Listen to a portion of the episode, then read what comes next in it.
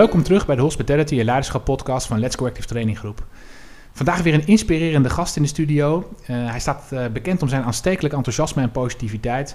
Hij was het afgelopen jaar een van de eerste die weer aan de slag ging met uh, hoe kunnen we weer door, hoe kunnen we vergaderen en evenementen weer mogelijk maken. Ondanks de tegenslagen van lockdowns en verlengingen van lockdowns is hij degene die de moeder voor de branche stevig inhoudt en krachtig leiderschap toont. Mijn gast van vandaag is niemand minder dan de algemeen directeur Postillon Hotels en voorzitter van Sales Effecta, Erik Jan Ginjaar. Jeetje, je laat me nou al blozen. We moeten nog beginnen. Erik Jan, welkom. Dankjewel. Dankjewel. Fijn om hier te zijn. Ja, leuk dat je er bent. Ja. ja. Ja, in deze bizarre tijden is dit toch ook weer een moment om elkaar even te kunnen zien. Ja, u, u die luistert ziet dat niet, maar ik ben heel blij om je gewoon een levende lijf te zien, uh, Jeff. Ja, ik, ik, uh, dan geheel wederzijds. En uh, ja, mooi dat we, dat we toch weer even elkaar kunnen ontmoeten op deze, op deze manier. Ja. En ik, ik zie er echt naar uit om een mooi gesprek met je te voeren, Erik-Jan. Ja, nou, ik, ik ook. Ik ben benieuwd wat, wat het komende half uur tot drie kwartier ons gaat brengen met leiderschap in je achterhoofd nou, moet je volgens mij meer dan drie kwartier makkelijk vol kunnen praten. Nou ja, dat, eh, dat, dat zonder meer. En als we het toch over leiderschap hebben. Um, ja, ik ben echt onder de indruk hoe jij afgelopen jaar voor de hele branche eigenlijk uh, op bent gestaan. En hebt gezegd, jongens, we moeten gewoon positief blijven. We moeten dit uh, met elkaar gaan aanpakken. En we gaan er gewoon voor zorgen dat het weer mogelijk wordt. En uh, ja, ik, ik, moet zeggen, je bent er ook echt wel een voorbeeld voor mij in geweest, Erik-Jan. Nou ja, dankjewel. En het gekke is dat dit is ontstaan. Het, is, het, het, was geen strategie vooraf. Dus we hebben niet van tevoren uitgeschreven: we gaan dit eens even doen. En het is ontstaan op 7 april 2020. Er zijn zo'n paar data die je de rest van je leven niet meer gaat nee, vergeten. Nee, nee. Zoals 15 maart. Ja. Maar 7 april, dat was de persconferentie dat premier Rutte voor het, zei: U moet zich gaan uh, voorbereiden ja. op de anderhalve meter samenleving. Ja, ja, En dat sprak hij uit en ik kreeg, ja, ik, het, het, de grond zakte onder mij weg. Ja. Ik heb een half uur, denk ik, minstens, maar waarschijnlijk drie kwartier als ik heel eerlijk ben, wezenloos voor mij uitgekeken. Heel herkenbaar. Ik denk, maar op anderhalve meter en ik heb 30.000 vierkante meter zalen en ik heb allemaal mensen die bij ons werken. En nu, en ik kreeg het niet in mijn hoofd geregeld. Nee. En toen uh, stuurde ons director of sales mij een WhatsApp bericht. En hij zei, joh, Erik Jan, we kunnen leren van de vliegtuigen. Ja. En toen dacht ik, verdomd, ja. dat is toch ook zo. Laten we kijken naar, naar branches om ons heen die dit, dit wiel al hebben uitgevonden. Ja. En toen hebben we in 24 uur tijd hebben we dat anderhalve meter conceptje uit de grond gestampt. Maar dat is op zich ook nog niet zo heel bijzonder, want dat kan eigenlijk iedereen. Mm -hmm.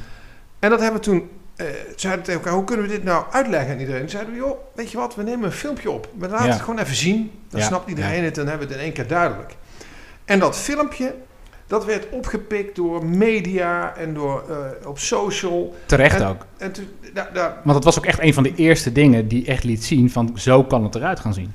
Ja, en zo kan het ook. Hè. Dat vond ja. ik heel belangrijk. Want dat was, kijk, eh, we hebben ook daar onze ogen niet gesloten voor, wat, uh, voor de beperkingen. Want op anderhalve meter kan je natuurlijk geen vergaderzaal waar normaal duizend gasten in, nee. uh, in, in, uh, in plaats kunnen nemen. Nee, kan je niet rendabel exporteren, maar je kan wel degelijk gasten ontvangen. Ja.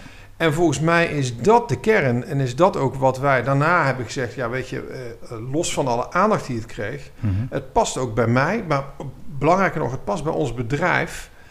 Dat we dan maar gewoon gaan doen wat wel kan. Ja. En um, als ik zie hoeveel energie dat in een bedrijf oplevert. Ja en hoeveel energie dat bij onze gasten oplevert en klanten oplevert. Ja, volgens mij moet je dan eh, vaststellen dat dat de enige weg voorwaarts is. Ik heb ook wel eens gezegd, ja. als we dan moeten vallen, dan maar sprintend. Ja, ja, ja. ja, ja. Uh, dan zien we dan wel wat er gebeurt. Ja, ja, nou ja, precies. Want ja. niets doen is eigenlijk geen optie. Dat is, dat is waar, het, waar het ook op neerkomt natuurlijk. Nee, en je zou dan ook kunnen kiezen om uh, te klagen en om je heen uh, te roepen en te schreeuwen en te slaan van wat allemaal niet goed, niet goed is of te weinig is. Terwijl ja. ik denk, ja, weet je, ik ben heel blij dat wij niet in Zuid-Europa een hotelketen hebben. Want dan uh, nee. hadden wij niet van zoveel staatssteun aan elkaar gebruik kunnen maken. Dus we wonen in Nederland, in een fantastisch land. Ja. Waar goed voor ondernemers gezorgd wordt. Wordt er genoeg voor ons gezorgd? Ja, time will tell. Maar laten we vaststellen dat er op dit moment eigenlijk betrekkelijk goed voor ons gezorgd wordt. Ja.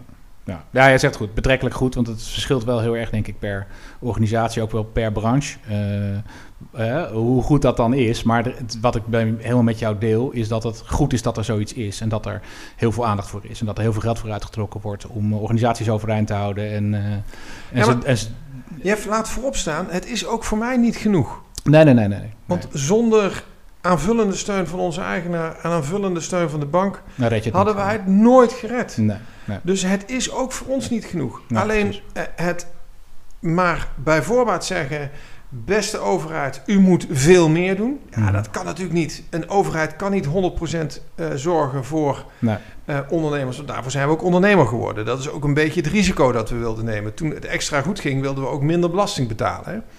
Dat moeten we ook niet vergeten.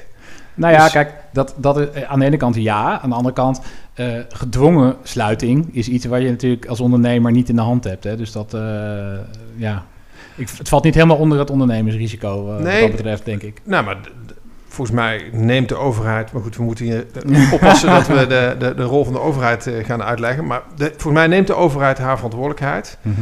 En ehm, een gedwongen sluiting vraagt ook om uitzonderlijke compensatie. En Ja. die is er ook, denk Ja, ik. ja. Dus dat, dat is vooral mijn stelling. Ik zou ook daar, net zo goed als dat we kijken naar ehm, wat er wel kan, wil ik ook veel meer focussen op wat we wel krijgen in plaats van wat we niet krijgen. Want daar Ja. kan ik heel lang ehm, zenuwachtig over doen of rottig Mhm. over doen, maar dat verandert toch niks. Nee, nee dat, dat, is, dat klopt ook. Eh het is ook, ook een stukje leiderschap, denk ik, om dat te doen. En daar overheen te stappen. En eh, vooral van weer naar het positieve te kijken. Nou ja, en dat is ook iets dat we eh, heel erg sterk met onze collega's binnen Postillon sterk besproken hebben. hè. Probeer nou te focussen op wat je wel kan. Probeer Ja. ook te focussen op wat je thuis wel kan.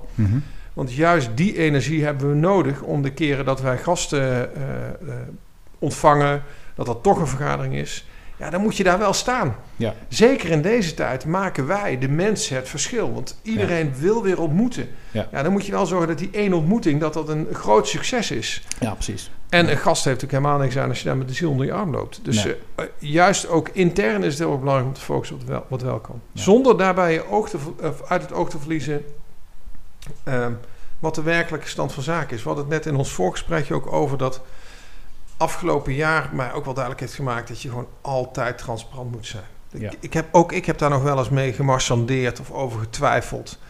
Eh, eind 2018 nog van ja, kan, kan, kan dit stukje van een mogelijke nieuwe vestiging, kan je dat wel delen? Kunnen mensen die verantwoordelijkheid aan? Ja. Ja, het is niet aan mij om die keuze te maken. Eh, dat, dat kunnen mensen zelf heel goed afwegen. Ja. En juist daar eerlijk over vertellen, dat Mhm. maakt zo'n bedrijf zoveel slagvaardiger. Ja. Als ik kijk naar de ontwikkeling na die reorganisatie toe in juni, waar we ruim 30% van onze mensen hebben moeten laten gaan. Ja, het was voor niemand een verrassing. Want Nee. na 7 april, diezelfde persconferentie, wisten we ook dat als het op anderhalve meter, als dat het nieuwe normaal zou worden, Ja. in ieder geval vooralsnog, ja, als dat lang gaat duren, ja, dan, dan, kun je niet we- anders. Nee, want op anderhalve meter, nogmaals, ook weer daar geen eh, geheimzinnigheid over. Eh, maak je nooit de omzet die je zou, normaal zou maken. Dus Nee. we moesten een deel van die familie laten gaan. Ja. En we hebben vanaf dat moment iedereen gewoon op de hoogte gehouden. Waarmee we bezig waren. Dat er ontslagen zouden vallen. Dat we met de OR erover in gesprek waren. En op Ja. die manier kon het ook niet als verrassing zijn. En hadden we mensen eigenlijk al als het ware meegenomen op onze reis. Ja. En die reis- transparant ja, eigenlijk geweest in... ja, en dat zorgt er dan voor dat, dat mensen er meer begrip voor hebben, denk ik. Maar ook loyaler aan, aan, aan het merk blijven. Ja. Want dat is denk ik wat heel belangrijk is. Ja. Ja, het gaat ook over authenticiteit, hè? Dat ze dat, toch? Dat ze, dat Ja. ze weten dat je gewoon inderdaad jezelf bent. En dat, dat, dat je ook niet anders kunt eigenlijk. Nou, Dat dat, is- en authenticiteit zorgt ook dat ze... eh, dat, dat zie ik aan mezelf ook. Hè. Ik werk voor een hele eh, authentieke eigenaar. Eh, dat maakt dat je net dat stapje extra wil zetten. Dat je Mhm. net even die eh, extra vraag wil beantwoorden... of extra mogelijkheid wil onderzoeken. En dat zien we ook terug. Eh, wij hebben vorig jaar... het zijn maar kleine gebaren natuurlijk... maar op een gegeven moment ook gedacht... wat zouden we nou aan medewerkers kunnen vragen... om wat binnen hun invloedssfeer ligt ook iets te doen. Ja. En toen hebben we gezegd, weet je wat, we gaan eens vragen aan medewerkers of ze vrijwillig afstand willen doen van vijf vakantiedagen. ja. Want dat? gisteravond nog met een ondernemer gesproken die met een stuw meer aan vakantiedagen zat. Ja. Meer dan 80% van de medewerkers heeft vrijwillig afstand gedaan van vijf of meer vakantiedagen. Ja. Dat is natuurlijk geweldig. Ja. En het grappige is dat mensen ook echt blij waren. Mhm. Het blij is nog te zacht uitgedrukt. Trots waren op het feit Dat ze bij konden dragen. dat ze bij konden dragen Ja. aan het bedrijf en aan de, de redding van het bedrijf. En natuurlijk, het is maar een druppel. Ja. Maar het is wel een ontzettend belangrijke druppel. Want door zoiets te doen, Ja. ontstaat er een enorme eh, eh, teamgeest van mensen die zeggen: ja, maar wacht even, ik, Ja. ik, ik, ik mag zelf ook steentjes neerleggen die zorgen dat het bedrijf rechtop blijft staan. Aan die fundering meewerken. Ja. En dat, eh, ja, nou, hoe gek dat ook klinkt, maar dat geeft mij ook energie. Want dat soort dingen, en dan ook meer dan 80%. Want ik geef elke vrijdagmiddag een YouTube-sessie live voor onze medewerkers. Gaaf. Niet pre-recorded, gewoon live. Nee, Mensen kunnen Gewoon vragen spontaan stellen eh, ja, en, eh, gaan. En uiteraard bedenk ik wel een lijstje met onderwerpen die ik even moet, eh, moet bespreken. Ja. En wat we daar doen is, we nemen alle medewerkers op reis mee wat de directie afgelopen week gedaan heeft. En of dat nou financieringsregelen is, of een Hmm. reorganisatie voorbereiden, of whatever, dat vertellen we allemaal. En met terugkijken zitten we niet onder de 90% kijken van alle medewerkers die kijken. Ja. En het is dus heel grappig. Twee weken geleden kwam ik in Amsterdam, s ochtends vroeg. En ik kwam daar op kantoor en daar zat eh, de F&B-manager zat even de, de YouTube van de vrijdag ervoor terug te kijken, want hij had het niet kunnen kijken. Ja. En ik, de, het is natuurlijk heel gek om dat te zien, maar ik was er zo ongelooflijk trots op. ja, Dat maar dat kan ik me wel voorstellen, ja. ja. dat, is, dat je denkt, shit, dit, is dus, dit betekent dus iets voor, voor onze mensen. Dat we dit structureel elke vrijdag doen. Ja. Dit betekent dat mensen dus op deze manier het gevoel hebben... en het is ook nog echt zo, maar het gevoel hebben... dat ze ertoe doen, Ja. eh, meegenomen worden... vragen kunnen stellen. We krijgen echt allerhande vragen tijdens zo'n eh, sessie. Ja. En die behandelen we ook gewoon in alle eerlijkheid. Ja. ja, wat Want- voor vraag kan je, kun je een voorbeeld geven? Of een paar ja, zeker. misschien? En een, zeer, eh, een, een vraag die regelmatig terugkomt is... joh, tot wanneer kunnen we het eigenlijk volhouden? Ja. Een hele Ja. terechte en relevante vraag, denk ik. Ja. Eh, de- en die datum is natuurlijk moeilijk te noemen, maar wat ik wel kan noemen en wat we ook in alle openheid bespreken is. Eh, de steunmaatregelen lopen tot het einde van kwartaal 1. Eh, kwartaal 2 kan je nog een beetje meepakken, maar we hopen dan toch ook wat omzet te hebben. Mhm. En we hebben vorig jaar juni, ook dat is geen geheim geweest, want het heeft inmiddels al in diverse kranten gestaan, hebben wij ook gebruik gemaakt van de GoC-financiering eh, van de overheid. Ja. ja, die loopt ook tot 30 juni. Mhm. En dan zijn de steunmaatregelen een beetje op. Ja. En dat zou normaal gesproken ook genoeg moeten zijn, omdat normaal gesproken we er eigenlijk allemaal vanuit gingen dat na de zomer dit jaar we toch gewoon wel weer wat aan het doen zijn met z'n allen. ja. Die kans is overigens nog steeds groot. Die kans is, nou, ik ga ervan uit dat, die, maar- dat dat ook zo is. Ja. Maar dat betekent dat voor mij 30 juni is wel zo'n hele belangrijke datum. Ja, en ook ik, daar antwoord ik dan maar vanmorgen nog in een half elfje met de mensen van het hoofdkantoor. Ehm, er zijn niet zo heel veel mee, maar desondanks. Ehm, en Ja. daar werd mij gevraagd van, joh, eh, eh, eh, is die datum nog steeds hard? Ja, die datum die verandert niet, want ik Nee. heb geen... eh, Maar heb nou, niet er, in komen- er wel nog meer eh, steunmaatregelen. Hè? Dus er komen weer nieuwe maatregelen, eh, nieuwe ondersteuningsmaatregelen. ja, precies. Dus, dus, dus ja, die datum dan- verschuift misschien verschuift wel, dan mocht weer- dat noodzakelijk zijn. Maar laten we er alsjeblieft vanuit gaan nog dat, dat, het niet nodig is. niet nodig is inderdaad. Nou, een andere vraag die eigenlijk altijd terugkomt is... eh Erik-Jan, hoe zit het eigenlijk met iedereen die we vorig jaar hebben gevraagd te vertrekken? Hebben we daar nog contact mee? Praten we daar nog mee? Kunnen ze terugkomen? ja. Nou ja, in september waren we met vier medewerkers op twee locaties alweer in gesprek om terug te komen. En helaas kwam toen 28 september en the rest is history. Ja, ja. Ehm, maar nee, we hebben nog contact met ze. Want Ja. voor mij staat als een paal boven water dat juist die mensen die vorig jaar in juni eh, vertrokken zijn, ja, die zijn de eerste die ik ga bellen als het dadelijk in april, mei eh, weer wat te doen is. Ja. Eh, dus dat is een vraag die veel gesteld wordt. Ehm, uiteraard ook gewoon van praktische aard. Eh, Mhm. hoe eh, zit het met vakanties? Eh, eh, ja. eh, bestaat er een kans dat we dicht gaan?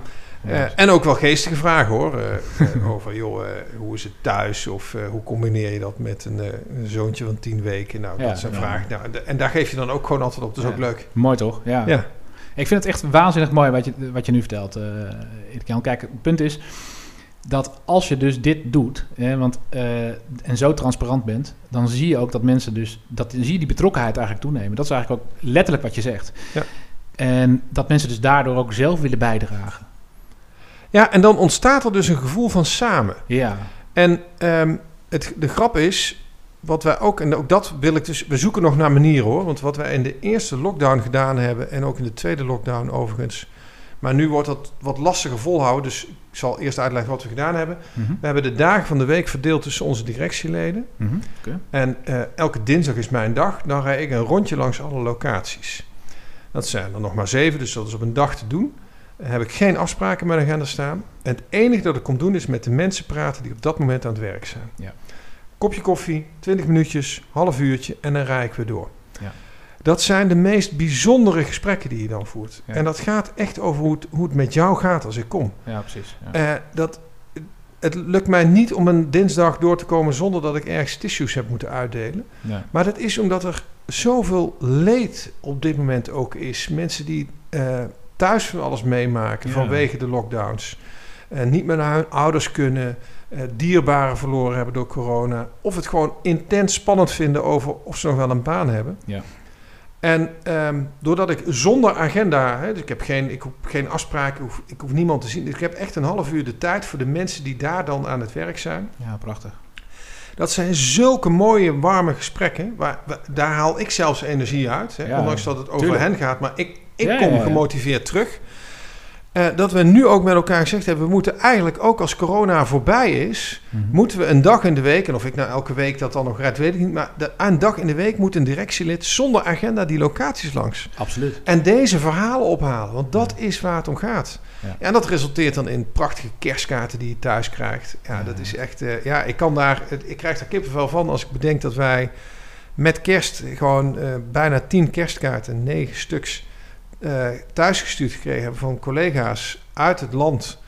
ehm, van medewerkerbediening tot een afwasser, die, die eh, een kerstkaart sturen om eh, hun dankbaarheid te tonen, maar ook vooral hun loyaliteit aan het bedrijf. Ja. Want dat ik dat kaartje dan toevallig krijg, dat is niet omdat ik Erik Jan ben, maar dat, ik heb vertegenwoordig gewoon een rol in het bedrijf. En die kleur ik in zoals ik denk dat die ingekleurd zou moeten worden. Ja, dat vind ik magnifiek. Dus volgens mij is het dus ook zo. Nou ja, ik, ik, denk eerlijk, ik denk eerlijk gezegd dat dat wel ook met jouzelf te maken heeft natuurlijk. De, de manier waarop jij dat aanpakt. eh, De, de, de keuzes die jij daarin maakt om inderdaad dat half uur te besteden elke dag weer. Eh, om inderdaad elke week eh, eh, met, met iedereen samen eh, een bijeenkomst online te organiseren. Heel open en transparant te zijn. Dat zorgt daar denk ik voor. Ja, daar heb je gelijk in. Maar het is natuurlijk ook het bedrijf die daar eh, met elkaar... We maken met, met elkaar het bedrijf en met elkaar Zeker, creëren ja. we die ruimte. Tuurlijk, tuurlijk. Ja, want ik kan dat wel in mijn eentje doen, maar als ik vervolgens daar geen steun in vind, dan is dat ook lastig.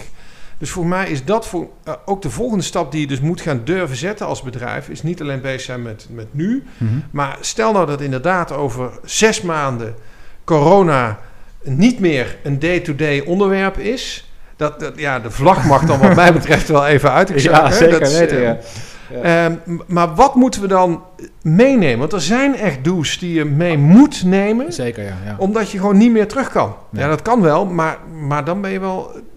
een- Exact, exact. Ja. Ja. Nou, dit is, dit is ook wat ik, hè, ik... En de luisteraars zullen weten, als ik het heb over gevend leiderschap... en leiding geven met de knop op geven... dit, dit zijn prachti- prachtige voorbeelden daarvan.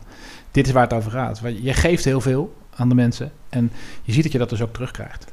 Daar doe je het niet voor, maar het is wel heel gaaf en heel fijn... en het geeft jezelf een heel goed gevoel dat dat gebeurt natuurlijk. Ja, het, het geeft mezelf een goed gevoel, maar ik zou het zelfs nog wat anders, wat scherper willen omschrijven. Het geeft mij de verantwoordelijkheid Ja, om het te blijven doen. ja snap ik, ja. Begrijp je? Dat, Ja, vind ik, ja, dat is iets heel anders dan alleen... Het, het, het, Fantastisch. eh, het geeft mezelf natuurlijk een goed gevoel. En Het inspireert jou het om daar nog, verder in te gaan. Alleen het brengt ook de verantwoordelijkheid met zich mee. En dat heb ik denk ik de het afgelopen jaar ste- sterker dan ooit gevoeld. Ja. Eh, ondanks dat ik al eh, toch wat jaren in een leidinggevende rol zit. Maar ik heb het afgelopen jaar sterker dan ooit gevoeld dat ik ook een verantwoordelijkheid draag naar al die mensen die iedere Ja. dag naar mijn werk komen. Ja. En al die mensen, ook nu nog, die iedere dag in de frontlinie achter die receptie staan en die spaarzame gasten inchecken. Ja. Want juist zij doen... de- Kijk, ja, ik zit Ja, de hele ja. dag eh, een beetje praatjes te houden. En ook die zijn heel belangrijk, daar hebben we het net over gehad. Ja. Ehm, maar juist hen eh, moeten, moeten gemotiveerd blijven om, Ja, die ja. weg voorwaarts te vinden. Nee, ik kan me voorstellen, je voelt echt nu die verantwoordelijkheid. En, Ja. en meer dan ooit. Want dat is ook logisch natuurlijk. Hè? En, het, het, eh, ja, en, En dat geeft ook een kick, hè? Zo, zo eerlijk moet je ook zijn. Ja, tuurlijk. Ja, mooi. Ja. Echt Ja. geweldig. En hoe, komen die dingen tot stand? Want eh, jullie hebben heel veel eh, mooie keuzes gemaakt. Ja. Eh, hoe zijn die tot stand gekomen? Ja, de grap is, Eh, dat is, en daar is geen boek over te schrijven. Dat is Nee. niet, eh, eh, wij zijn geen bedrijf die strategie bepalen aan de hand van 26 A4'tjes. Nee, nee, nee. Dingen gebeuren soms. Dus ehm, laat ik naar die YouTube live sessies kijken. Eh, we gingen zondagavond 15 maart, Bruno Bruins, half zes. We moeten om zes uur dicht. Dag erna hebben wij gezegd, we gaan dicht. En toen stonden opeens eh, maandagochtend 9 uur, hoteldirecteuren bijgepraat. Nou, jullie moeten dicht, je winkel moet dicht. Dit zijn de stappen die je moet ondernemen. En eh, we verwachten morgen geen gas meer in huis, verwarming uit. Nou, een hele riedel. Ja. En die GM's lopen weg. En dat draait zich één om en die zegt... En wat doen we eigenlijk met onze medewerkers? Ja. Ja. ja. En dat vond ik zo'n verschrikkelijke klap in mijn gezicht... dat ik dacht, ja, maar hoe kan het dat wij daar niet aan gedacht hebben? We waren in zo'n regelmodus. Ja. En toen zeiden we spontaan, zeiden we, maar we hebben toch ons eigen YouTube-kanaal. Weet je wat? We gaan gewoon vrijdag live en dan leggen we het aan iedereen uit en dan zien we wel. Ja, precies. Ja, mooi. En dat hebben we die vrijdagmiddag gedaan. Eh 95% van alle medewerkers was op dat moment online. Dat was bizar. Ik had 235 kijk- kijkende eh, live-kijkers. Geweldig. Eh, die live kijkende devices, want er zaten ook mensen in groepjes bij elkaar. En ehm, daar kwam direct de vraag uit: kan dit volgende week weer? Want we willen graag op de hoogte blijven wat jullie doen. Toen zeiden we: ja, dat weet je, als de- Ja. natuurlijk, eh, als dat de vraag is, doen we dat. Mooi. En na een keer of drie dachten we: ja, weet je, dit is, dit is blijvend. Dit moeten we ook blijven doen. Dus zelfs toen we weer open waren van de zomer, hebben we het niet meer elke week, maar één keer in de twee weken hebben we dit nog gedaan. Ja. Op een ander tijdstip, want half drie is op vrijdagmiddag als je open bent wat lastiger, dus eh, s ochtends vroeg. Eh, en zo hebben we toch iedereen op de hoogte gehouden. Ommaas en dwarsstraat, nou die filmpjes heb ik net al uitgelegd. Ja. Eh, en die rondjes was ook zo'n moment. We eh, realiseerden ons ergens, of het nou de persconferentie van 7 april of een persconferentie verderop was. Toen realiseerden wij ons dat de mensen eenzaam begonnen te worden. We voelden dat er ook mensen waren die echt behoefte hadden aan menselijk contact. Dachten we gewoon contact over ja, wat een, een ei kwijt konden. En voor mij was het, eh, was het keerpunt dat ik op een ochtend heel vroeg in, eh, in Putten aankwam. En daar een dame eh, in tranen achter, eh, achter receptie aantrof. Omdat deze dame net ook nog een scheiding lag. En er speelde van alles. Ja. En ik reed weg en ik realiseerde me, maar dit stukje, we hebben ook een maatschappelijke verantwoordelijkheid. We hebben ook een verantwoordelijkheid te nemen in eh, het mentale bewustzijn van onze, het mentale Ja, ja. gezondheid van onze mensen. Dat woord zocht ik. Mooi. En toen hebben we gezegd, ja, dan moeten we dit ook gaan inkleden. Dus eigenlijk zijn die dingen ons eh, ja, overkomen. Dat is denk ik, dan doe ik mezelf en ons bedrijf tekort. Eh maar we hebben goed geluisterd naar wat medewerkers vroegen, eh, wilden weten. Ja. Maar ook anderzijds, ook wel à la postillon, het maar gewoon ingeregeld. Ja. En snel geleerd eigenlijk. Ja, ja, ja, weet je, je kan beter maar een keer een bloedneus oplopen. En Ja, zeker. Ja. Doekje voor bloed en weer doorgaan. Hè? Ja. Dat is denk ik de beste les die je daaruit kan halen. Absoluut. Wat mooi. Ja. En dat zijn natuurlijk dingen die... Stel nou, hè, dat we gaan zo meteen weer open, hè? Helemaal eh, Ja. open. Ehm, nou, het zal eerst wel weer met maatregelen zijn, maar op een gegeven moment gaan we... Welke dingen weet je nu al 100% zeker? Die blijf ik doen. Ehm, Wat nou, er ook gebeurt, hoe druk het ook wordt, hoe, hoe druk mijn agenda weer wordt. Want jij bent natuurlijk ook een heel druk... eh, je hebt een druk bezet man normaal gesproken. Ja, Eh, ja. de, de YouTube-sessies blijf ik hoe dan ook doen. top, ja. Geen enkele twijfel over mogelijk.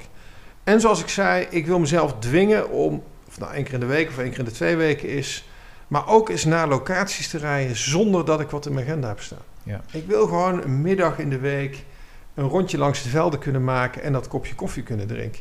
Dat zijn denk ik de twee belangrijkste dingen die ik meeneem. Die YouTube-sessie is omdat ik, ik heb op die manier ontdekt dat werkt veel beter dan memo's schrijven of filmpjes sturen of whatever. Ja. Als je gewoon kunt vertellen wat er speelt eh, en ook uitleggen waarom je keus maakt. Want de tweede sluiting, eh, sluitingsperiode hebben we ook gewoon de dag na de persconferentie uitgelegd. En weet je hoe ik dat gedaan heb, Jeff? Ik heb een flip over naast mij neergezet. Ja. En gewoon voorgerekend Ja. wat open blijven zou kosten. Ja. Flip over omgeslagen. Wat dichtgaan zou eh, kosten, CQ zou opleveren. Ja. En spontaan eh, begreep iedereen waarom wij onze deuren sloten. Ja. Want er was gewoon economisch geen belang meer om open te blijven. Nee. nee, ik snap En het. Als ik dat niet zo had uitgelegd, was een hoop ruis geweest en was een discussie. Ja, ja. van nee, we gaan dicht. eh, De, de postion zal wel failliet gaan of whatever. Nou, nu gebeurde dat niet. Ja, ja.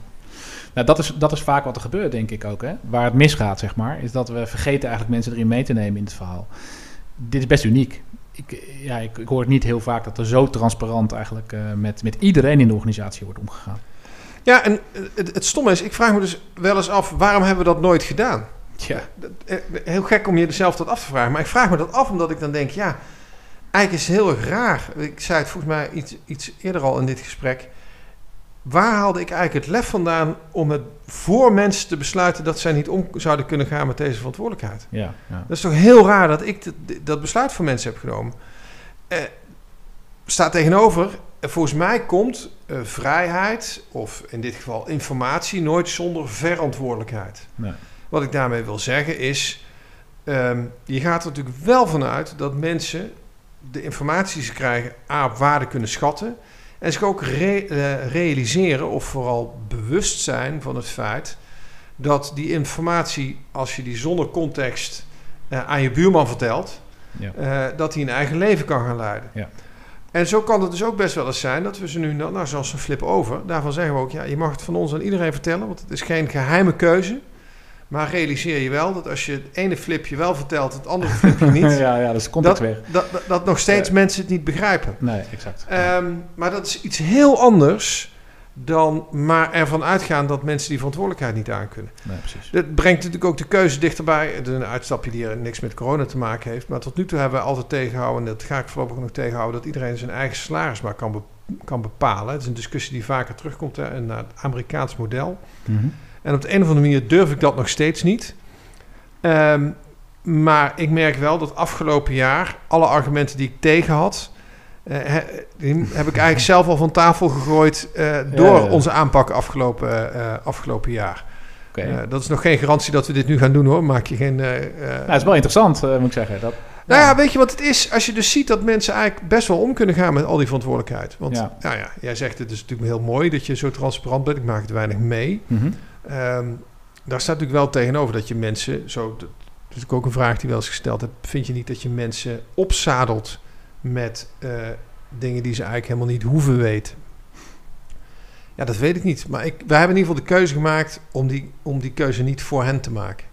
Nee, maar kijk, mensen bepalen toch over het algemeen wel waar ze wel of geen aandacht aan geven. Dat, dat, kunnen, ze, dat kunnen eigenlijk alle mensen zelf bepalen uiteindelijk. Ja.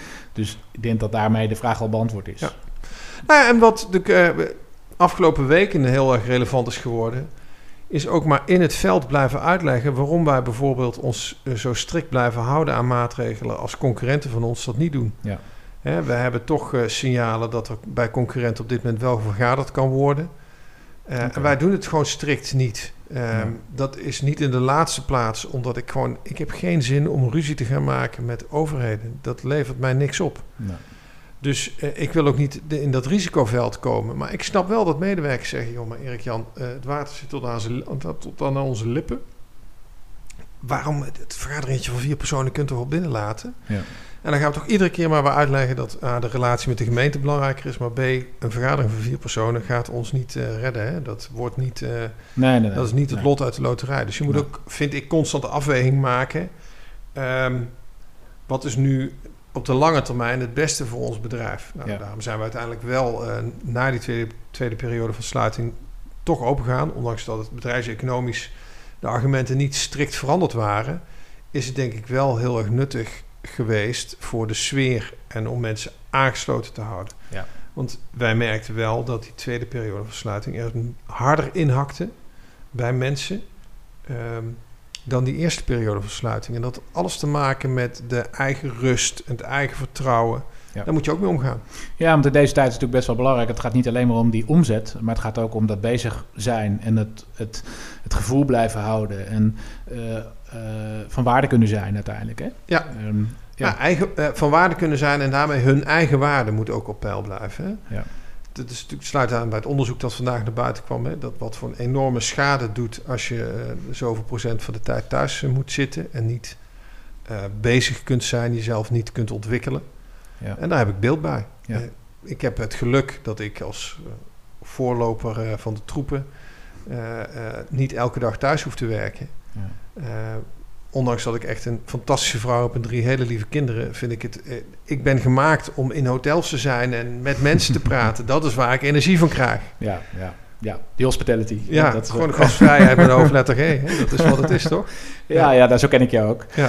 Hey, we nog even verder over het leiderschap. Hè? Want Ja. ehm, eh, ja, jij bent natuurlijk al iemand die, eh, die, die gaat staan, die, die het voortouw neemt. Hè? Dus dat stuk, dat, daar, zo, ken ik, zo ken ik jou ook heel erg. He- Heeft jouw leider, wat, wat, wat, hoe is jouw leiderschap veranderd het afgelopen jaar? Ehm, Ik ben transparanter geworden, dat zei Mhm. ik net al, hè, Ja? geloof ik. Ja? Eh, ik was eigenlijk altijd wel al... Ik denk van mezelf in ieder geval dat ik kwetsbaar, mezelf kwetsbaar kon opstellen. Maar ik denk dat ik dat nog iets meer heb ontwikkeld. Oké. En wat ik daarmee bedoel is, ik heb ook in alle eerlijkheid durven zeggen als we het gewoon niet wisten. Of als ik ook zelf even niet wist wat de uitkomst van maatregel A of B zou zijn. Mhm. Ehm, en eh, dat vond ik eigenlijk best eng. Eh, zeker de eerste keer dat je dat dan in zo'n YouTube-sessie doet. Hè, want als het, ook ik praat dan maar gewoon tegen een scherm. Dan weet je niet hoe er gereageerd wordt. Nee. Ehm, dus ik denk dat, dat kwetsbaarheid, dat dat, een, eh, eh, dat dat iets is dat ik echt nog verder heb ontwikkeld. Ja. Eh, en wat ik nog iets beter heb geleerd is, en dat klinkt heel, dat, dat strookt niet met kwetsbaarheid, maar is het ook wel een beetje van me af kunnen zetten. En wat ik Mhm. daarmee bedoel is, ehm, je kan als je niet uitkijkt in zo'n crisis natuurlijk eh 24 uur per dag eh, bezig zijn en Ja. ook niet meer slapen of Nee. eh, slecht slapen. Ja. Maar met slecht slapen worden mijn besluiten overdag niet beter. Nee, precies. En eh, daarmee de hulp om, de mogelijkheid om met ons bedrijf een stap verder te komen ook niet. Dus ehm, ik ben nog strenger voor mezelf geweest in het relativeren of het niet mee naar huis nemen, of wel mee naar huis nemen, maar in ieder geval niet mee naar bed nemen Nee, nee. van de dingen die gebeurden, eh, gebeuren. En dat was zelf ook wel een enorme eh, eh, eh, vertaalslag die ik moest maken. Ja. Ik was gewend en nog steeds ben ik, ik ben ontzettend bevlogen. Je kan mij, ik, ik leef voor wat we doen. Maar dat wil niet zeggen dat, ik er, dat, dat, ik, dat het in mijn hoofd moet gaan zitten. op een negatieve manier. nee, nee, nee, precies. Nee. Dat werkt alleen maar averechts uiteindelijk. Ja, en ik moest En- dus bewust worden van het feit dat mijn besluiten, of de mogelijkheid om besluiten te nemen, of de mogelijkheid om besluiten te faciliteren, eh, dan alleen maar slechter zou worden. Ja. En dat besef, dat is ook ergens in april eh, afgelopen jaar tot mij eh, doorgedrongen. En ehm, dat vond ik best een moeilijk besef, omdat het je ook wel eens schuldig doet voelen. Ja, Ehm, ja Wat- precies. wat ik daarmee bedoel is, het doet je ook wel schuldig voelen als je dan denkt, ja maar ik heb 30% van onze mensen moeten ontslaan en ik denk er niet meer elke dag aan. Nee. Of ik, eh, ik, ik, ik ga gewoon rustig naar bed tussen aanhalingstekens. Ja. Ehm, dat heeft me in het begin heel schuldig doen voelen. Ja. Totdat ik me realiseerde, ja maar wacht even, ehm, dat kan wel zo zijn. En eh, nee, ik, het, het doet me heel veel. Mhm. Maar als ik nu te veel op deze 30% eh, en het gedrag dat daar supposedly bij zou horen ga focussen, dan kan ik niet meer voor die resterende 70% zorgen. Ja. Eh, dat vond ik een hele moeilijke, moeilijke slag om te maken. Ja, kan ik me wel voorstellen. Ja, en dat, dat verantwoordelijk voelen, ik, ik, ik heb datzelfde eigenlijk gevoeld ook, en dat voel ik nog steeds voor, voor ons team. Hè. We, we werken natuurlijk met een heel groot team van trainers, eh, 14 trainers. En ja, ik, ik ben ook in een soort van overdrive gegaan om te kijken wat kunnen we nou doen om, om al die mensen ook gewoon weer ja, aan de slag te laten blijven, aan de slag te laten zijn. En, Ja. dat is, eh, en als dat dan, dat is natuurlijk best lastig in een periode dat je van eh, vijf trainingen per dag naar, nou uiteindelijk gingen we er naar een paar per week. Eh, dan is dat eigenlijk niet mogelijk om iedereen natuurlijk continu aan de slag te hebben. Maar zo voelde het wel. Maar op een gegeven moment heb ik, ben ik er ook wel meer rust in gaan eh, bewaren. Want het, ja, die- je kan jezelf daar helemaal eh, misschien eh, in over de kop eh, werken. Maar het heeft niet zoveel zin natuurlijk. Hè. Je kunt beter gewoon het, het, het stuur recht houden en zorgen dat je, dat je er heel goed doorheen komt. En ehm, En dan later mensen we de- weer. dat we er klaar voor zijn op het Ja. moment dat, eh, dat het wel weer, weer kan. En, Ja. ja, Ja, en, en dan kan je dus ook constateren dat eh, of je nou eigenaar bent, of eh, algemeen directeur bent, of afwasser bent. Uiteindelijk zijn we allemaal gewoon mens. zeker ja. En maken ons ook allemaal druk eh, over dezelfde dingen. ja. Ja. En eh, dat was ik misschien wel eens vergeten. Ja, dat is ook wel een mooie, mooie les. Al- Als we daar, want daar, daarop inhakend, hè. Ehm, we hadden het even over jouw eigen leiderschap, zeg maar. Maar als je nu kijkt naar, de naar je organisatie, en dan heb je natuurlijk eh, de leidinggevende, maar ook alle medewerkers. Hoe is jouw blik daarop veranderd? Als we nou kijken naar zometeen weer terug ook weer naar een normalere situatie. Hoe ga je ze anders, wat, ja, uh, hoe, hoe, leg je dat onder, hoe maak ik dat onder woorden? Wat, wat ga je op een andere manier misschien wel van mensen verwachten of ze geven of uh, misschien wel een ander podium geven? Um, nou, zou ik je kijk je daarnaar? Ja. Ik denk dat ik nog meer ga verwachten van onze, van onze, uh, van ons middenmanagement. Ja. En, misschien waren we daar al veel eisend in, maar ik denk dat het nog belangrijker wordt dat er ja, een soort vertaalcomputers zijn, zal ik maar zeggen, tussen uh, directie en uh, werkvloer. Daar kunnen we zelf heel veel in doen, mm -hmm. door al die dingen die we net al besproken hebben. Maar ik denk ook dat het nog belangrijker is dat ik kan wel één dag in de week uh, die gesprekken voeren. Ja. Maar dat is niet het bedrijf. Het bedrijf ja. is, zijn we allemaal. Ja. Dus we moeten het allemaal belangrijk vinden om dat gesprek te voeren. Ja, precies. En dat betekent dat van GM naar een supervisor ook daar moet dat gesprek gevoerd worden over wat maak je thuis nou mee. En die supervisor moet dat doen met die afwassen. Ja. Dus ik heb het nou over die supervisor, uh, uh, supervisory management level. Ja, die, die laag moeten we nog meer gaan begeleiden, helpen, mm -hmm. uh, aan de hand nemen over hoe voer je dat soort gesprekken nou? Hoe durf je nou kwetsbaar te zijn Ja. en hoe kan je nou... Ook daar die Eh, knop op geven te zetten ja, eigenlijk. precies. Eh, net zoals jij dat nu, nu heel erg doet. Ja, ja, en nu kan dat ook, maar dadelijk eh, Ja. Gaan we toch hopelijk allemaal weer naar normaal en gaan we dus ook eh, langzaam ook weer dingen doen die echt bij ons werk horen. Eh, ehm, nu ook, maar ik denk dat je wel snapt wat ik wil zeggen. Eh, en dan, dan moeten we dat ook weer wat meer gaan delegeren. Zeker. En dat geven, dat moet dus ook moet door de hele organisatie gaan druppelen. Ja. en daar, dat, dat moet ik echt, dat gaat aandacht krijgen. Ja, mooi. Ja. En dat is iets dat in Gaat- onze branche zit. De, de gastvrijheidsbranche kan dit. Ja, ja, zeker. Ja, absoluut. Dus Mooi. ja, leuk. Ja, ik ja. krijg je hè, we, zitten vol energie te praten. Heerlijk, heerlijk. Ja. Ja, ja, mooi toch? Hey, en, en, en, en als we dan ook nog eens even kijken naar de, de branche. Hè? Ehm, Ja. Want dat is ook natuurlijk, eh, ja, en ik had het daar onlangs ook met, eh, met Frank Veldhoff over in een podcast. Dat eh, er gaan natuurlijk dingen veranderen in, in, in nou, misschien ook wel in de evenementenbranche, wel blijvend veranderen. Of zie je dat niet zo? Denk je Nee. dat alles weer gewoon helemaal terug gaat naar, ehm, naar Nou ja, helemaal weet ik niet. Ehm, maar ik weet zeker Mhm. dat de wereld van evenementen, zakelijke evenementen, vergaderingen, congressen, die is relevanter dan ooit. Ja. Want mensen zijn, willen elkaar kunnen zien. Ja. Dus ehm, ik weet zeker dat een congres gewoon weer terugkomt. Eh, want 8 uur of 16 uur of eh, eh, 32 uur congres eh, ga je niet online doen. Nee. Wat ik wel denk dat er gaat veranderen is, en daar deed ik zelf ook aan mee, even naar Londen om een klant eh, te ontmoeten. Ja. Eh, twee uurtjes gesprek, s'avonds een hapje minder, eten ja. en weer terug. Nou, daar geloof ik niks meer van. Nee. Voor een gesprekje van twee uur. Ook dat zullen wij intern, merk ik al, zeg je nou, eh, voor twee uur. Ik, kom, ik ga niet eens meer voor een meeting van een uur naar Deventer. Dan doe ik het wel even online. Ja. Eh, een halve dag naar Deventer is prima. Precies. Nou, dat, gaat, dat, gaat wezen, dat gaat blijvend veranderen. Ja. Maar de wereld van ontmoeten, gewoon face-to-face, Ja. ja. die, die komt hoe dan ook terug. Maar ook de nu, alleen nu al dit gesprek, ondanks dat wij hier met een microfoon en, en, en oor, eh, een koptelefoon op zitten. De nuanceverschillen die we kunnen zien door elkaar aan te kijken. ja, Ja, dat, dat, dat, is, dat is niet met een camera te vatten. Ik moest Nee. afgelopen vrijdag examineren voor de Hotelschool Maastricht. En ehm, daar moest ook een onderdeeltje wat minder nieuws gebracht worden.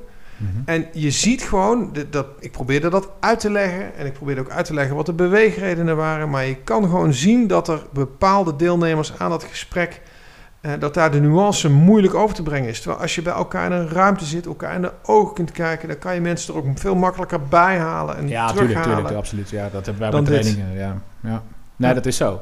En ik denk, dat, ik denk ook dat, eh, dat de, de, de wens om terug te gaan daar naartoe heel groot is. We willen allemaal weer gewoon iedereen kunnen ontmoeten. En, eh, en, je hebt het in juni gezien, hè? Juni, eh, 2 juni mocht het weer. En we hebben de maand juni in bijvoorbeeld onze locatie Precies, ja. Bunnik... gewoon een fantastische vergadermaand gedraaid. Ja, ja, exact. Mensen wilden gewoon weer vergaderen, trainen. Ja. Dat, Ja. Nou, de, de, de vraag is ook heel groot. Dat, dat merken wij ook hoor. Dus het, Ja. eh, ja, laten we hopen dat dat ook snel weer, eh, weer kan. Maar zijn er wel bepaalde dingen die, eh, die, die, die in de branche anders zullen zijn? Of zijn die er helemaal niet? Jawel, nou ja, dus aal, eh, ik denk dat korte vergaderingen niet, nauwelijks meer extern gedaan zullen worden. Ik denk ook dat er wel degelijk meer vormen van hybride congressen zullen plaatsvinden. Mhm. een beetje zoals wij Next Mice op 2 juni vanaf drie plekken gedaan hebben. Ja. Om daarmee reisbeperkingen te voorkomen, uh, ja, uh, ja, tegen te gaan en effectiever te kunnen zijn. Um, en ik denk ook dat uh, een grote spreker à la verzinnen naam uh, Bill Clinton naar Nederland halen, dat dat aan de ene kant uh, makkelijker wordt, omdat je dat dan gewoon via een live verbinding doet. Ja. En dus aan de andere kant ook moeilijker, omdat je dus zo'n spreker niet meer fysiek naar Nederland haalt. Nee, precies. Um, dus dat zijn wel de, de, de, knoppen die veranderen, denk ik. Ja, ja, ja. Maar verder kan ik mij nu niet voorstellen Nee. dat er iets weet. En misschien wordt, lu- luister ik over een jaar deze podcast terug en denk ik, hoe kon ik zo naïef zijn? Ja, ja, dat, Maar eh, dat weten we moment- niet. Hè? nee, dus dat, eh, nee, nee, op dit moment denk ik dat het bij deze drie eh, hoofdelementen blijft. Ja, precies. Oké, Ja. Mooi. Hey, en, en in, ehm, oké, laten we, hebben natuurlijk heel veel eh, leiders, eh, leidinggevenden die ook luisteren naar de, naar de podcast. Nou, vertelden we net al, we het even over eh, hoe kijk jij nou naar de mensen in je organisatie en, en hoe zij daar misschien wel anders in kunnen acteren hè, in, de, in Ja. de toekomst. Ehm, wat, wat, wat, wat adviseer jij nou leiders, in eh, leidinggevenden, laten we het maar eh, zeggen, eh, in zijn algemeenheid? Wat, wat zijn nou, heb jij een aantal tips voor ze? De belangrijkste tip die ik zou willen meegeven is: eh, ben altijd jezelf. Een Ja. leider die geforceerd eh, leiderschapstijlen gaat aannemen of Mhm. geforceerd op een bepaalde manier gaat communiceren, Ja, de- daar prikt iedereen doorheen. Dus ben jezelf. Dat, is, dat vind ik de allerbelangrijkste tip die ik mee kan geven. En jezelf mag dus in alle kwetsbaarheid en ook in alle. Ik heb ook soms wel eens een lelijke kant van mezelf. En als mensen die kunnen zien in alle eerlijkheid, dan is daar ook iets meer eh, begrip en respect voor. Mhm. Dus eh, ben jezelf. En ehm, je bent een leider in de goede tijden, maar ook in de slechte tijden. Wat ik daarmee bedoel te zeggen is, in goede tijden, niks is zo makkelijk om eh borreltjes weg te geven en op feestjes een praatje te houden. Ja. Dat gesprek, dat geloof ik wel. In slechte tijden leider zijn betekent, of een leidinggevende functie hebben, eh, betekent dat je ook dat gesprek aangaat. Maar dan niet aan de bar, maar aan, gewoon aan een tafeltje. Ja. Dus je moet je bewust zijn van het feit dat als je echt verder wil in een leidinggevende rol of een leidinggevende positie, eh, dat je in goede en slechte tijden bent. En een leidinggevende, dat is, daar sluit ik dan mee af. Dan heb ik er drie, dat vind ik wel genoeg. een leidinggevende ben je, al, dat ben je altijd. Ja. Wat ik daarmee probeer te zeggen is, eh, dat hoort ook een beetje bij de generatie van nu overigens, ja, precies. dat mensen denken dat, je, eh, dat er een knop is die je aan of uit kunt zetten. nee, nee. nee. Maar dat is niet zo. Nee. Je bent altijd leidinggevende. En ik vind dus ook dat je altijd bewust moet zijn Ja. eh, van de rol en van ook het voorbeeld dat je geeft. Ja. Dus Verantwoordelijkheid Ja. nemen hoort daar gewoon bij. hoort er absoluut bij. En daar hoort dus Ja. ook bij dat eh, we hadden een leidinggevende en eh, die is ziek geworden op een feestje. Ja, daar heb ik dus wat van gezegd. Ja. Ja. En dat ja. omschrijf ik nu vrij netjes. Ja, ja, ja, ik zeg het. Dat, dat, hoort niet. Je Nee. bent, eh, ja, maar het is privé. Ja, dat snap ik. Mhm. Maar je hebt een voorbeeldfunctie. Wij roepen iedereen op om zich aan de regels te houden. Dan kan het niet zo zijn dat je ziek wordt op een feestje. Dat gaat niet. Nee, nee, dat klopt. Je bent ook op dat feestje nog leidinggevende. Dat is heel gek. Nou, het is zo. En als je denkt dat je het aan en uit kan zetten, dan als medewerker bediening kon ik mijn medewerkerspet aan en uitzetten. Want dan ging ik naar huis en dat, dat hield op. Ja, Eh, dat klopt. Ja. Eh, en dat zijn keuzes. Mensen voelen zich daar wel of niet senang bij. Ik bedoel, Nee, die- d- d- nee. no disrespect, by far niet. Nee. Alleen, eh, ja, ook daarbij komt, eh, de ene keuze heeft de andere verantwoordelijkheid tot gevolg. Ja. En durft dat ook te benoemen Ja. Met ja, elkaar. Exact, ja. Dus dat betekent eigenlijk ook dat als je de keuze maakt om leidinggevende te worden, dat daar hoort dus ook een echt een belangrijke verantwoordelijkheid eh, bij. Ja, En je ligt altijd onder een vergrootglas. Hè? Ja. Wat je ook doet, elke move die je maakt, elke stap die je zet, kijken ze wel van, hé, hey, wat doet hij? Eh, ja en, ik, en ik krijg daar een kick van. Ik Ja. vind dat fantastisch. Ik vind dat leuk. En ik vind het ook leuk om mensen mee te nemen. Ja, Ehm, maar dat moet je dus wel willen. Dat Ja, moet je ja. van zeggen, daar krijg ik ook energie van. En als Ja. je geen energie van leidinggeven krijgt, eh, Nee. of alleen maar energie tussen 7 en 3 of tussen 9 en 5, ja. dan weet ik niet of het wat voor je is. Nee, nee, Ik het, vergelijk me nog wel eens met een voetbalcoach. Hè? Ik, ik sta buiten de lijnen. exact, ja. Eh, ik- ja. ik- het echte werk gebeurt in het veld. ja. Daar ben ik geen onderdeel van. Dat zou ik wel willen, maar dat ben ik niet meer. Nee. Dus eh, ik moet zorgen dat iedereen, dat die lijnen kloppen aan de buitenkant van het veld. Dat is mijn rol. Maar een afwasser, die staat midden in dat veld, staat die borden af te wassen, die we iedere dag op ieder moment van de, van de, van de wedstrijd nodig hebben. Daarmee is zijn rol minstens zo eh, belangrijk zo niet even belangrijk als mijn rol. En eh, dat vind ik nou zo leuk aan. Ja. Het, het heeft niks met een baas zijn te maken. Een baas vind ik een oerlelijk woord over. Verschrikkelijk, ja. Ja, inderdaad. Persoonlijk ben ik eh, voorstander van, of eigenlijk geloof ik er heel erg in dat iedereen in de organisatie een leider kan zijn. Hoe kijk jij daarnaar? Als je kijkt naar de mensen, eh, je noemde net al even de afwasser. Hè? eh, even Nou, als, eh, Ik denk dat je gelijk hebt dat iedereen een leider kan zijn. Ik denk wel dat een leider zijn de een wat beter ligt dan de ander. tuurlijk. En ik vind dat we niet moeten doen alsof iedereen maakbaar is. Mhm. Wat ik daarmee wil zeggen is, je kan een leider, leiderschap tonen, een leidinggevende zijn. We hebben het er net over, dat is iets dat ben je altijd. Ehm, als iemand dat niet in zich heeft of niet leuk vindt, dan moeten we iemand niet dwingen. Want Nee. als je iemand dan dwingt om iets leidinggevends te gaan doen... We hebben het, ik heb het ooit in Bunnik één keer met een dame gedaan. Dat was ook geen succes. Nee. Maar het was mijn schuld dat het geen Maar succes met alles was. wat je niet wil, dat Ja. is lastig. Hè? Dan, Ja. dan, ja.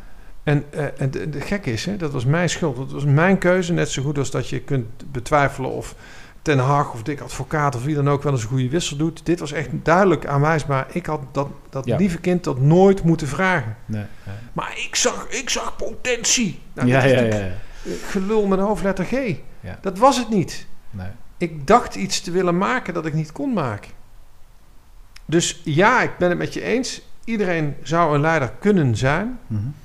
Maar bij leiden met korte ei hoort wel heel nadrukkelijk dat je moet willen, anders wordt het leiden met lange ei. Ja, maar dan praten we over leiding geven, hè, vooral. Ja. Maar een stukje leiderschap, wat toch wel nog weer wat verder gaat misschien dan het leiding geven. Dus zelf het voortouw nemen, de verantwoordelijkheid durven nemen. Dat kan iedereen. En ik weet, heb je dat in, in jouw team misschien ook gezien? In, eh, in die sessies die je met elkaar hebt gedaan bijvoorbeeld? Ehm, heb je daar ook dingen gezien die dan niet zozeer van leidinggevende kwamen, maar juist van, vanuit, vanaf de werkvloer? Dat iemand daar bijvoorbeeld heel erg leiderschap toonde. Dat vind ik nu heel moeilijk om te zeggen. En dat heeft eigenlijk te maken met... We hebben zo weinig mensen aan het werk gehad de laatste perioden. Nee, precies. Nee, maar dus- ik bedoel misschien in die, eh, in die online sessies dat er iemand met een... eh, hoewel je bent meer aan het zenden dan ja, ja, het is echt iedereen bijpraten of wat vragen. Eh vind ik moeilijk te beantwoorden. Wat wij met Givability doen is natuurlijk ook mensen zelf aan het stuur zetten. En Ja. heel erg eh, laten zien dat jij zelf de impact kunt maken. Dat jij zelf de eerste stap kunt Ja. zetten. Dat jij zelf iets bespreekbaar kunt maken. Dat je zelf met een idee kunt komen. Nou, dus kan ik nog wel even doorgaan. En ik was even benieuwd hoe- of, jij, of dat binnen Ja. jullie organisatie... of jij dat dan nu ook Nee, gezien omdat we- jij zelf heel erg die knop op gegeven hebt staan. Dat, Nou, we- dat mensen dat We zien, makkelijker we doen. zien het wel terug eh, in die zin ehm, dat het voor mensen steeds makkelijker wordt om vanaf de plek waar ze zitten eh, de vraag te stellen en de, de, eh, eh, naar wat zij nodig hebben. Of de ideeën die zij hebben te ventileren. Er wordt eigenlijk heel erg nadrukkelijk. Hè. We doen vier keer per jaar medewerkersonderzoek. We doen elke dag eh, hebben we een sfeermeter die rondgaat bij alle medewerkers. Om te kijken hoe de sfeer is met allerlei verschillende vragen. Mhm. En wat we daar zien is dat de input van medewerkers, mensen voelen echt dat ze gehoord worden en dat ze dus zelf met, met, die, met, met die ideeën kunnen komen. Ja, en dat gebeurt dan dus ook. En dat gebeurt dan ook. En ik vind alleen wel, dat, dat noemde ik net al over, dat, dat middelmanagement. En middelmanagement klinkt ook zo negatief, zo bedoel ik het dus helemaal niet. Het gaat voor mij om die hele belangrijke supervisor en de GM-laag. Ja. Ehm, daar moeten we wendbaarder worden. Ja, daar moeten we, eh, moeten we meer tooling gaan bieden om ermee om te gaan. Ja, want van daar wordt op dagelijkse basis gewoon heel concreet leiding gegeven. Ja, Eh, precies. eh, Precies. Elke Ja. minuut van de dag, zeg maar. Ja, Ja, nu ook. ja op exact. plekken. Ja. En dus weer heel veel verschil gemaakt. En, ja, en hoe je dat dan doet is dan heel erg bepalend uiteindelijk. Ja, en daar proberen we dus voorbeelden in te geven. Zelf het voorbeeld te zijn. Mhm. Toch blijft het nog belangrijker, wordt het nog belangrijker om daar echt hele concrete handvatten voor te bieden. Ja. Ja. In gevend leiderschap gaan wij ook heel erg uit van ehm, gelijkwaardigheid. Ja. En ehm, wat ik daar altijd bij zeg is dat iedereen in de organisatie is even belangrijk. Dat is het voorbeeld van die afwasser, of dat speelveld dat ik net noemde. Hè? Ja, exact. Dus, Ja. dus precies dat.